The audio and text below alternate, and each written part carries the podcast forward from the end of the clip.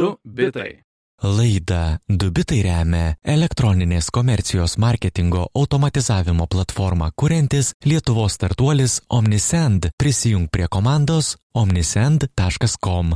Sveiki klausytojai, čia laida Dubitai, tradiciškai kaip ir kiekvieną savaitę kalbame apie technologijas.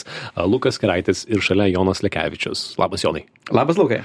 Šiandienos laida yra kiek, kažkiek netradicinė, kars nuo karto taip darome, nekalbame apie tos savaitės naujienas, su tuo sugrįšime kitą savaitę, o įrašome šiek tiek, šiek tiek iš anksto ir norime pakalbėti vieną temą, kuri tiems, kas seka mūsų kiekvieną, kiekvieną laidą labai nuoširdžiai, galbūt bus pasikartojimų, kitiems, man atrodo, kaip tik bus vienoje vietoje koncentruotos žinios, kadangi nusprendėme pakalbėti su Jonu apie tai, kaip mes, aš, Lukas ir Jonas naudojame dirbtinį intelektą savo kasdienybėje abu kalbėjome, kad galbūt yra lūkestis iš kitų, kad mes čia esam technologijų apžvalgininkai, tai mhm. žinai, aš čia atsikeliu ryte, dirbtinis intelektas išvalo dantis ir viskas labai paprasta, bet iš tikrųjų tai nėra, kad kažkuo iš karto lūkesčiai turėtų būti sužeminti, kad nebus kažko wow, wow, wow, kad už mus padaro darbus, bet pasidalysime, kaip patys iš tikrųjų kasdien, kasdienoje naudojamės dirbtiniu intelektu. Ne? Tikrai taip. Ir bendrai dirbtinis intelektas, aš sakyčiau, net ir eiliniam žmogui lūkesčiai neturėtų būti būti žiauriai aukšti, nes tai nėra tokia technologija, kur tu gali žiauriai lengvai pats eksperimentuoti.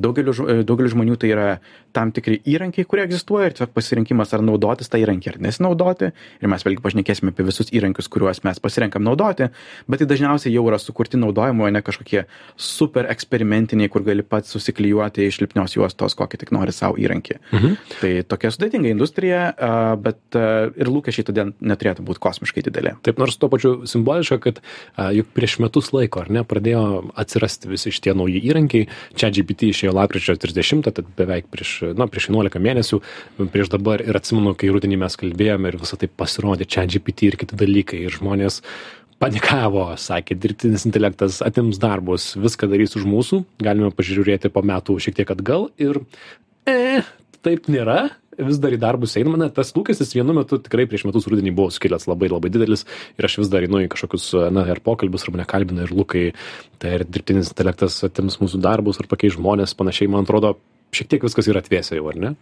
Tikrai taip, bet iš vienos pusės darbų netėmė ir vėlgi kaip visa istorijos, e, technologijų istorija rodo, jog darbus retai kada iš karto atima, jie tiesiog pasikeičia. Tie patys žmonės, kurie dirba tam tikrus darbus, jie pajungia dirbtinį intelektą kaip savo darbo įrankį mhm. ir daro tą patį darbą dvigubai greičiau.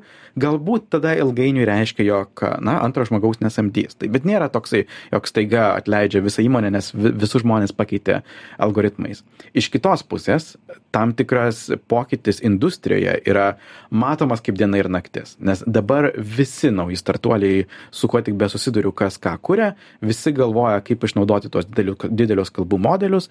E, net esamos kompanijos, esami produktai galvoja, kaip transformuotis, kaip pradėti veikti su šitu intelektų dėžutėje, su, su kuriuo gali kažką daryti. Nustebau net, jog elektroninės parduotuvės pradėjo naudoti šitus kalbos modelius, aprašinėti savo prekes, na, turbūt tam, jog būtų aukščiau paieškose, bet akivaizdu, jog visgi ta transformacija ji nėra, jog iš karto staiga viskas pasikeitė, bet jinai yra gili, ji pereina mhm. per visas kompanijas. Tai nėra, jog taip jau nieks nepasikeitė. Taip, pokalbių robotai tikrai anegdotiškai ateina į visas pasaulio sritis, galima bus kalbėtis, man atrodo, su kėdė taip pat tai jau greit, greitų metų, nes visi gali tau atsakyti čia ant boto principu, bet to pačiu, na, aš jeigu žiūriu aplinkoje, tai, na, pažįstami kolegos, kas dirba grafikos srityje, kas rašo tekstą, tiems darbas neabejotinai stipriai pasikeitė mhm. jau dabar, bet to pačiu per praėjusius metus atsiradusių įrankių dalis jų išbandėme mes gyvai tikrai yra nuvilinčių, kur pažada, mhm. kad veiks, nueini, išmeta erorą, neprisijungia prie interneto, prašo susimokėti, kaip visuomet gyvenime. Tai žodžiu. Taip, arba tiesiog sugeneruoja tau, na, labai nekokybišką variantą.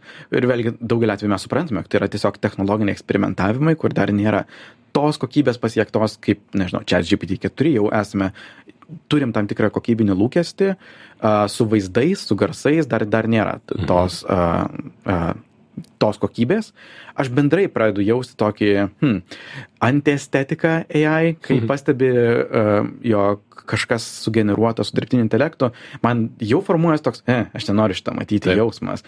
Uh, Norisi, jog, na, tegul žmonės padaro paprasčiau, bet patys darosi labai dirbtinas pasaulis. Mhm. Įdomu, žinai, kaip tas jausmas į kurią pusę pasikeis. Taip kad tai labai greitai atsibodo, ar ne? Mhm. Ir dar įsikiriu. Aš kitko galiu paminėti, e, papasakosiu, ką aš tiksliau dariau, bet m, skiriau bent vieną dieną čia prieš savaitę ar kelias, kai buvo labai lietingas šeštadienis, daug generavau vaizdų, muzikos ir panašiai. Ir visą dieną, tiesą pasakius, prisidėjau prie ekrano, tai išėjau į lauką ir nuoširdžiai, kad ir kaip tai skambėtų keistai, ir aš lik ir protiškai protaujantis žmogus, bet išeinu į lauką ir man viskas atrodo nerealu, atrodo kažkaip prastos kokybės, net, atrodo net nedageneruota. Tai, Ar realybė atrodo nekokybiška? Taip, atrodo, kad aha, Wow. čia, čia pakeičiau promptą, aš žinai, tikrai. Oh, wow. Aš praleidau penkias valandas prie kompiuterio, tai tikrai yra, yra tam tikrų dalykų, kas žinai, keičia realybę. Pavyzdžiui, žiūri į medžius ir galvoju, nežinau, ar čia tikroviškai atrodo ir pats nustebau taip galvodamas. Wow. Kas nors man diagnozuos dabar, bet e, būkite, būkite. Bet yra, žinai, tas tetrio efektas, kur tu pradedi dėlioti blokelius ir po to staiga pradedi žiūrėti, hm, kaip čia knygos gali Taip, susijęti ir visą Taip, kitą. teisingai. Tai va, gerai, tada eikime į temą dar kartelį, kaip mes naudojame, naudojame dirbtinį intelektą kasdienybėje. Tai pradėkime nuo ko? Pradėkime nuo ChatGPT, ar ne? Galim. E, Taip. įrankis, kurį, man atrodo, naudoja visi. Papasakosim, kaip naudojame mes. Tai, Jonai, nori tarti pirmą žodį? Gal tu tarp pirmą žodį, po to papildysiu su savo instrukcijomis. Gerai, aš ChatGPT naudoju gana nuobodžiai. Man jis labai padeda idėjų generavime, tai yra dirbu prie kitų projektų ir sakau, įsivaizduok, kad esi tokios ir tokios temos žurnalo redaktorius. Reikia sugalvoti penkias temas, auditorija tokia ir tokia.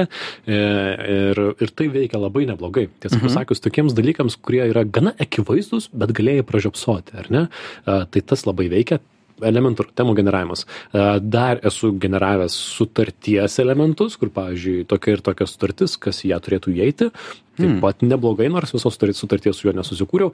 Bei man labai patinkanti funkcija iš visų šitų pokalbio robotų tai yra kontrargumentų ieškojimas. Man O, tai yra nice. puikus įrankis paneigti mano nuomonę, ar ne? Aš sakau, Mhm. na, aš noriu, va, ruošiuosi diskusijai apie tai ir tai ir kaip tu man atsakytum. Ir puikiai jiems tai, jiems tai sekasi. Ir teisybės dėliai vis karts nuo karto pamėginu a, paprašyti apžvelgti praėjusios savaitės technologijų naujienas, a, pažiūrėdamas, ar jau mūsų darbai su juo nuotimti. Ir tau vis primena, jog jisai nieko nežino vėliau negu ten 22 metai. Tai tiesa, bet bingo, bingo naršyklė, bingo AI, chat pok- pokalbių robotas, jis priimtas prie interneto, A. tai jisai gali pasakyti kažką, bet, na, aš vis dar senamadiškai, man atrodo, naujienas geresnės randu ir, ir labiau patikrintas ir nieko labai labai įdomus. Žodžiu, galbūt net randu gero prompto, prisipažinsiu, bet Mhm. tik tiek. Su to idėjų generavimu um, aš esu panaudojęs tą prekinio ženklo, tai vėlgi generavimui, kur nori turėti šimtą skirtingų idėjų, jas, žinai, Mm. pažiūrėti, įvertinti, kaip tai jaučiasi, tai tikrai labai ne- nebloga technika. Uh, tai, kur aš dabar esu atradęs tokį naują dalyką su čia GPT ir labai aktyviai naudoju, yra tai, ką jie pavadino custom instructions. Tai yra palyginus nauja funkcija. Jeigu tu pradedi naudoti čia GPT, labai greitai pajunti, jog jis turi tam tikrą toną, kuris ilgainiui gali pradėti erzinti. Tai yra, jis yra labai draugiškas, labai nori padėti, Mhm. gana šnekus, traukia tave į bendravimą, ta- traukia, kviečia tau užduoti daugiau klausimų, kas pirmais pokalbiais yra tikrai smagu, nes, na, jisai toksai labai draugiškas, bet galiausiai pradedi galvoti, jog na, su tavim kaip su vaiku bendrauja ir į tave ne- nelabai rimtai žiūri.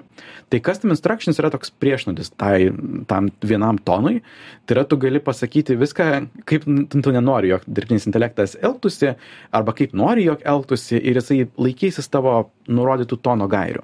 Konkrečiai, ką aš esu įvardęs, tai aš pirmiausia sakau, negirk manęs už gerą klausimą. Jau labai jau erzino tas. O, koks įdomus. O, Jonai, Mhm. šaunuolis, kaip tu čia gerai sugalvojai. Labai man Sakau, įdomu. Nekartok mano klausimų man pačiam, aš žinau, ko aš tavęs klausiu.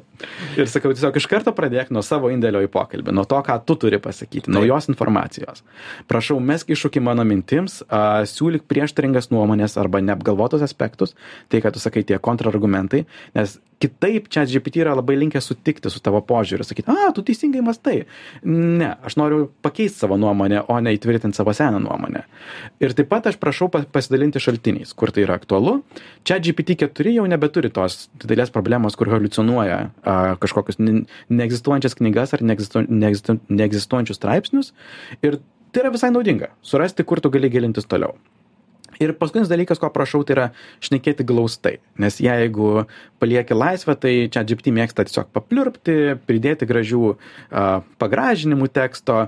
Sakau, nepalik vietos formalums ir tai labai pagerina. Tai atjungia tą palikt korektišką prozą, Taip. kurios kartais būna per daug. Eh, atsimeni senus gerus laikus, kai prieš metus galėdavai paklausti pokalbių roboto, kaip pasigaminti bombą. ir buvo tos dvi savaitės, spalį ar lapkritį, kai jie mielai viską papasakodavo.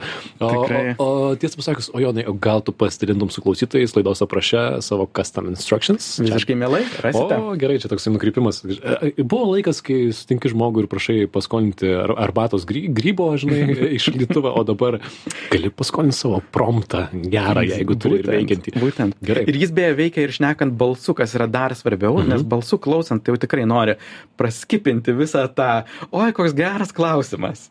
Taip, tai dar su čia GPT mes, aišku, jau kalbėjome apie tai, kad su juo galima šnekėtis balsu balsu vis dar naudoju šitą funkciją. Karts nuo karto važiuodamas automobiliu pabūnu tyloje minutę kitą įsijungiu ir leidžiu mintim tekėti, užduodu klausimus ten apie, apie fiziką, apie pasaulį, apie gyvenimą. E, yra porą kartų tikrai labai naudingai padavę ir dar tuo pačiu pastebiu, e, kad klausiant balsu, kartais smagu leisti tekėti mintims. Ar ne? Aš mhm. perskaitau jo, jo atsakymą tekstu, bet klausiu lietuviškai, na, net nežinodamas to savo klausimą iki galo, kas yra labai smagu, nes jo. nereikia tau būti tokiam tiksliam kaip tekstu. Ne? Tai, Taip, vat... gali kartoti mintis, gali pakeisti savo norimą mintį vidury klausimą ir jis plus minus supranta, ką tu turi omenyje, kas yra labai labai teisingas požiūris į bendravimą balsu. Puiku. Taip, e, dar galima paminėti, kad mūsų, mes savo žiūrovo klausytojų klausime, kaip jie naudoja ChatGPT ir kitas technologijas, tai technologijų naujienų grupėje buvo paminėtų, kad, na, Erikas, pavyzdžiui, sako, interneto dizainą naudoju vietoje Lorem Ipsum, kai sugeneruoju tekstą, kurį klientai dažnu atveju pasilieka, a, kiti be abejo sako, kad, na, pavyzdžiui, nežinau, kokio amžiaus mūsų klauso klausytojai, bet kalėdų senelis taip pat gerai atsakinėja su ChatGPT pagalba. Kažkas sako, kad tai yra terms and conditions rašęs asmeniniam projektui arba, na, visokių charakterių sukūrimui, ką galima buvo nuspėti. Tai, tai panašiai, nu, tikriausiai naudojame ir mes, ar ne? Žinių radio klausytėm primename, kad girdite laidą pavadinimu Dubitai. Mes šiandien kalbame apie tai, kaip su Jonu naudojame patys dirbtinį intelektą savo kasdienybėje. Čia GPT apkalbėtas, dabar galime galbūt šokti į kokią audio, audio temą, ar ne?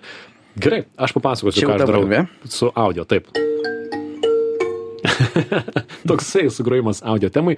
Tai laidose esu rodęs, ką naudoju, kaip tai veikia vis dar naudoju nemokamai muzikos generavimo su Stable Audio. Iki 40 sekundžių galima paprašyti, pavyzdžiui, sugeneruok žmonės kalbančius kavinėje ir tai galima įstėti į video. Sumokama versija net pusantros minutės duoda. Kartais tiesiog yra greičiau negu ieškoti vadinamuosiuose stokiniuose garsuose. Idėjos perteikimui, moodboardui super veikia ir bus galima jums duoti nuorodą, kas norėsite, tai pamėginkite. Um, čia, aišku, gana specifinis panaudojimas. Muzikos kūrimui jis nelabai kokybiškas. Ne, suprantu. jisai tokiem garso efektam, uh, jis nėra konkretus, ar ne? Uh, bet tuo pačiu vis dar kuriu muziką su dirbtiniu intelektu ir tame visai stipriai linksminuosi, tai primenu apie Suno AI įrankį, uh, kurį galima naudoti nemokamai ir kurti muziką. Su tuo tu su tuo sėdžiu ilgiau negu turėčiau tikriausiai, bet tai yra labai linksma. Ir Jonui leido porą kūrinių, kuriuos sugeneravau liet, na, lietuviško popso, bandžiau nukopijuoti lietuvišką popsą. Jonas sakė, wow, paleisk šitą. Tai duodu jums vieną pavyzdį, kuris Jonui taip pat visai, visai patiko.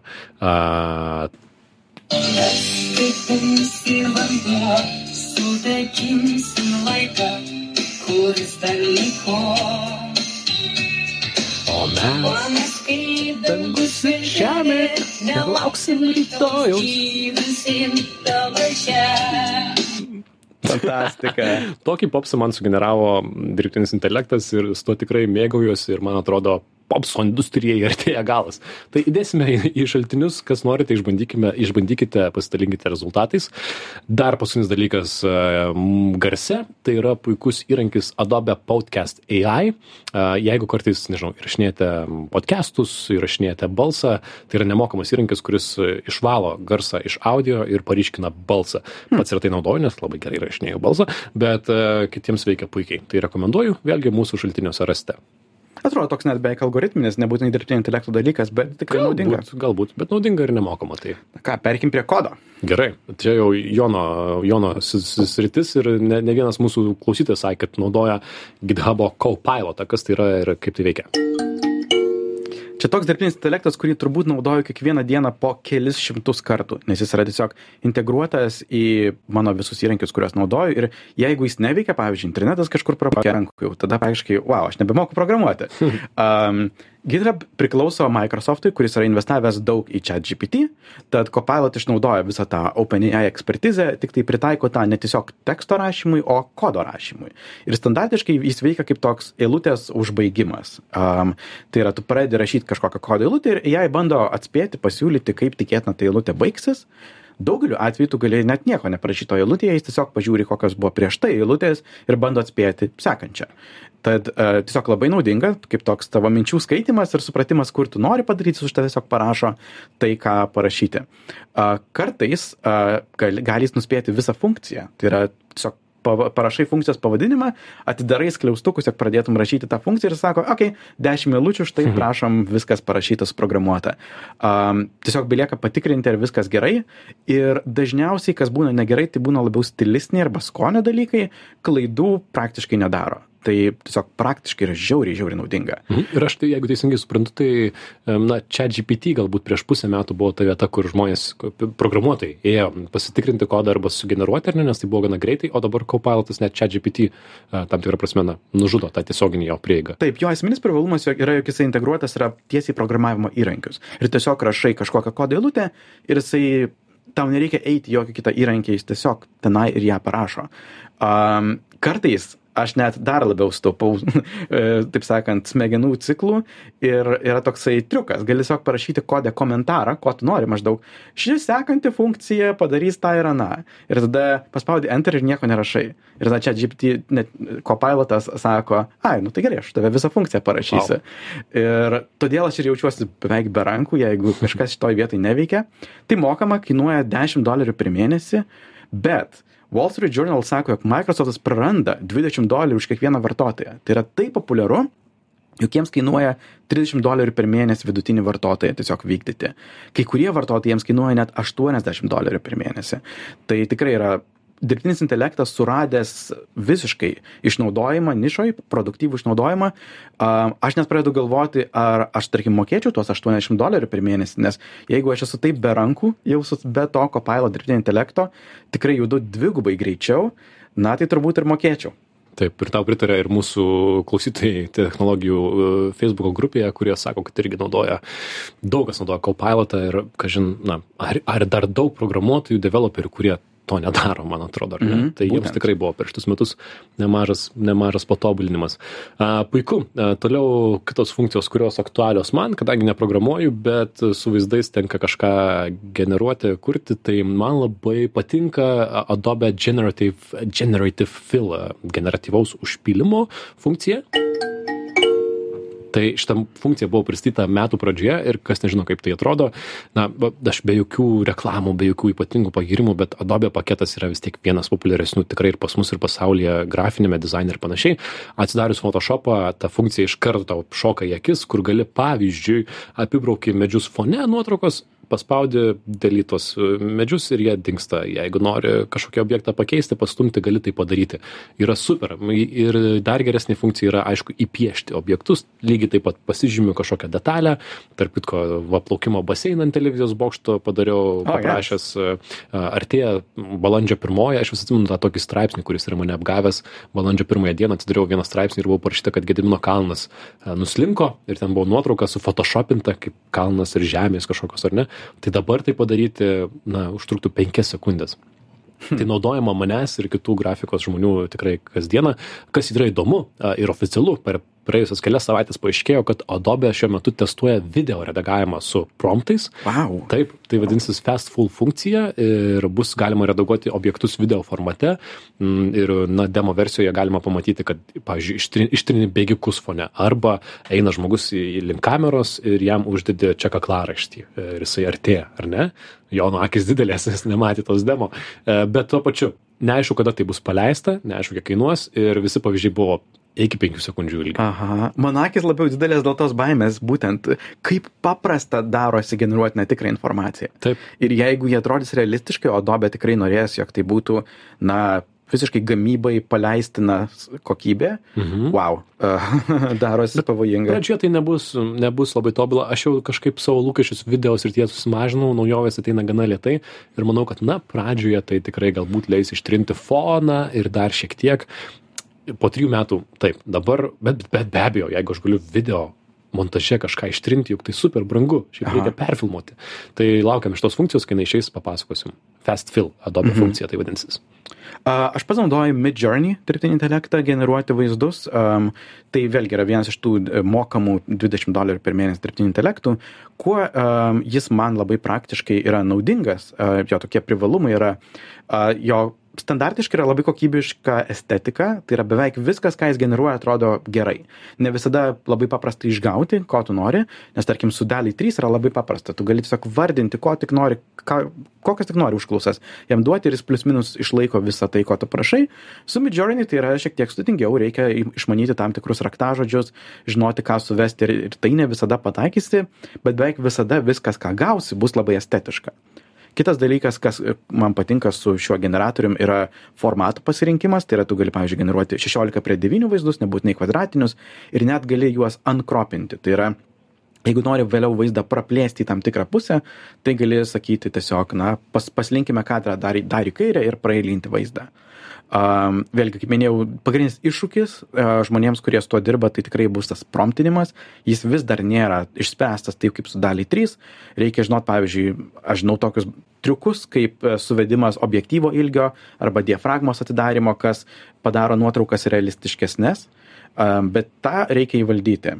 E, Bet bendrai technologijos tobulėja. Pavyzdžiui, Midjourney kalba, jog jų sekanti versija jau turėtų turėti gilio informaciją, kas reiškia, tu generuosi plus minus tokias nelabai kokybiškas, bet 3D scenas, Mm. kur jau galėsi ne tik e, paslinkti kamerą kairėn dešinėn, bet, pavyzdžiui, galbūt šiek tiek pasukti į vieną ar kitą O, kampą. geras. Čia iš vieno e, mokslinio tyrimo, kurį abu kalbėję esame, taip pat, man atrodo, pasimta įkvėpimo. Atsiprašau. O su vaizdais, e, su vaizdų generavimu man įdomiausia tikriausiai yra Illusion Diffusion e, instrumentas. Man labai patiko tos iliuzijos, kai a, žiūri paveikslėlį, čia man Jonas pirmas ir parodė, prisimerki ir ten pamatai paslėptą įrašą, ar ne? Mhm. Tai aš jau prigaminau tų įrašų, žinok, tiek ir tiek. Visokių, pavyzdžiui, iš viršaus drono vaizdas, kur tu matai e, rudeninius medžius ir ten iš tikrųjų žalesni medžiai iš jų suskaito Lietuva, ar ne? O, Bet pavyzdžiui, įsivaizduoju, kad tai tikrai yra panaudojama, pavyzdžiui, socialiniai reklamai. Ir pats sugeneravau tokį paveiksliuką tiesiog vardan eksperimento, kur baro nuotrauka, ten alkoholis, ko išsilieja kokteiliai, tokia, na, liūdna scena ar ne kažkokio vakarėlio. Ir prisimerkęs matai užrašą ten nevartok arba stop, žinai, arba su lošimo automatais. Kažkas iš reklamos tai tikrai panaudos mhm. kitą savaitę ar dar kitą. Bet e, tuo pačiu aš sakyčiau, tai yra įdomesnė kategorija. Vietoj to, kad generuotum kažką, kai gali duoti savo paveikslėlį ir generuoti ant viršaus, Mhm. tiesiog smagiau ir įdomiau. Man patinka. Taip, čia tokia įdomi, jau, kur vėlgi generavimai perina į kitą lygį, ka- su, kas apskritai nebuvo įmanoma iki tol. A, To, a, tas Illusion Diffusion, kurį minėjai, jis veikia tuo pačiu principu kaip QR kodų generavimas tokių paslėptų, su kuo aš labai smagiai žaidžiau. A, Savo profilio nuotrauką taip pat sugeneravau tuo pačiu principu, kur tu tiesiog paslėpi tam tikrą šviesumo informaciją, užkoduoji į paveikslėlį. Ir su šitais QR kodais, manau, yra linksmiausias dalykas tai, jog tie, kas nori eiti ir gilintis į tai, būti tokie labiau profesionalai, jie gali iš tiesų tyrinėti visą gamybos procesą. Tai nėra uždara sistema. Visos dalys, kurio nuorodos mes sudėsime, jos yra atviros, gali tiesiog instaliuoti savo kompiuterį ir generuoti visą tai, vėlgi, savo kompiuteryje pagal tai, kaip nori, e, eksperimentuoti. Ir čia galbūt yra 20 klausytojų, kurie klauso, bet tiem, kas nori gilintis ir žiūrėti visą sistemą iš arčiau, QR kodų generavimas arba šitų paslėptų tekstų yra toks prieinamas būdas suprasti, kaip visos šitos sistemos iš tiesų veikia. Mhm. Tai, na, pavyzdžiui, tas uh, paslėptų tekstų generavimas, aš nemoku programuoti, sugebu, bet QR kodų jau tikriausiai nesu, nesugebėčiau. Šiaip ar taip, šitoje laidoje nueikite, na, dubitai.com tikrai sudėsime daug, daug nuorodų iš po šitą laidą, kad galėtumėte patys išbandyti tai, ką bandome mes, nes laikas mūsų iš tikrųjų jau baigėsi, tai tiesą pasakius, pasistengėme sudėti kuo daugiau informacijos apie tai, kaip mes naudojame dirbtinį intelektą. Kaip ir sakėme, lūkesčiai tikiuosi nebuvo labai dideli, nes tie būdai gana, gana praktiški, gana žmogiški ir daugelis tikriausiai naudoja kažką panašaus, bet galbūt sužinojote kažką naujo. Kitą kartą reikėtų gal pat kalbėti, kokiu prietaisu arba įrankiu vis dar nėra, nes video srityje, asmeninio asistento srityje aš vis dar laukiu, vis dar laukiu. Vis Ir aš viskas dar yra tik tai kūriam, galim šiek tiek pasvajoti, bet taip, laukiame dar labai daug ko. Taip. Tad šiandien tiek girdėjote laidą pavadinimu Dubitai, kalbėjome apie dirbtinį intelektą, kurį naudojame mes su Jonu Lekevičiumi ir Luku Keraičiu. Kaip visuomet mūsų, svet, mūsų svetainėje dubitai.com bus šaltiniai į tai, ką apkalbėjome, o per Spotify ir žiniųradijas.lt pasieksite visas mūsų laidas. Tai sakome iki kitos savaitės. Čiau, čiau, čia buvo Dubitai. Iki. Du bitai. Laida Dubitai remia elektroninės komercijos marketingo automatizavimo platformą kuriantis Lietuvos startuolis Omnisend. Prisijung prie komandos omnisend.com.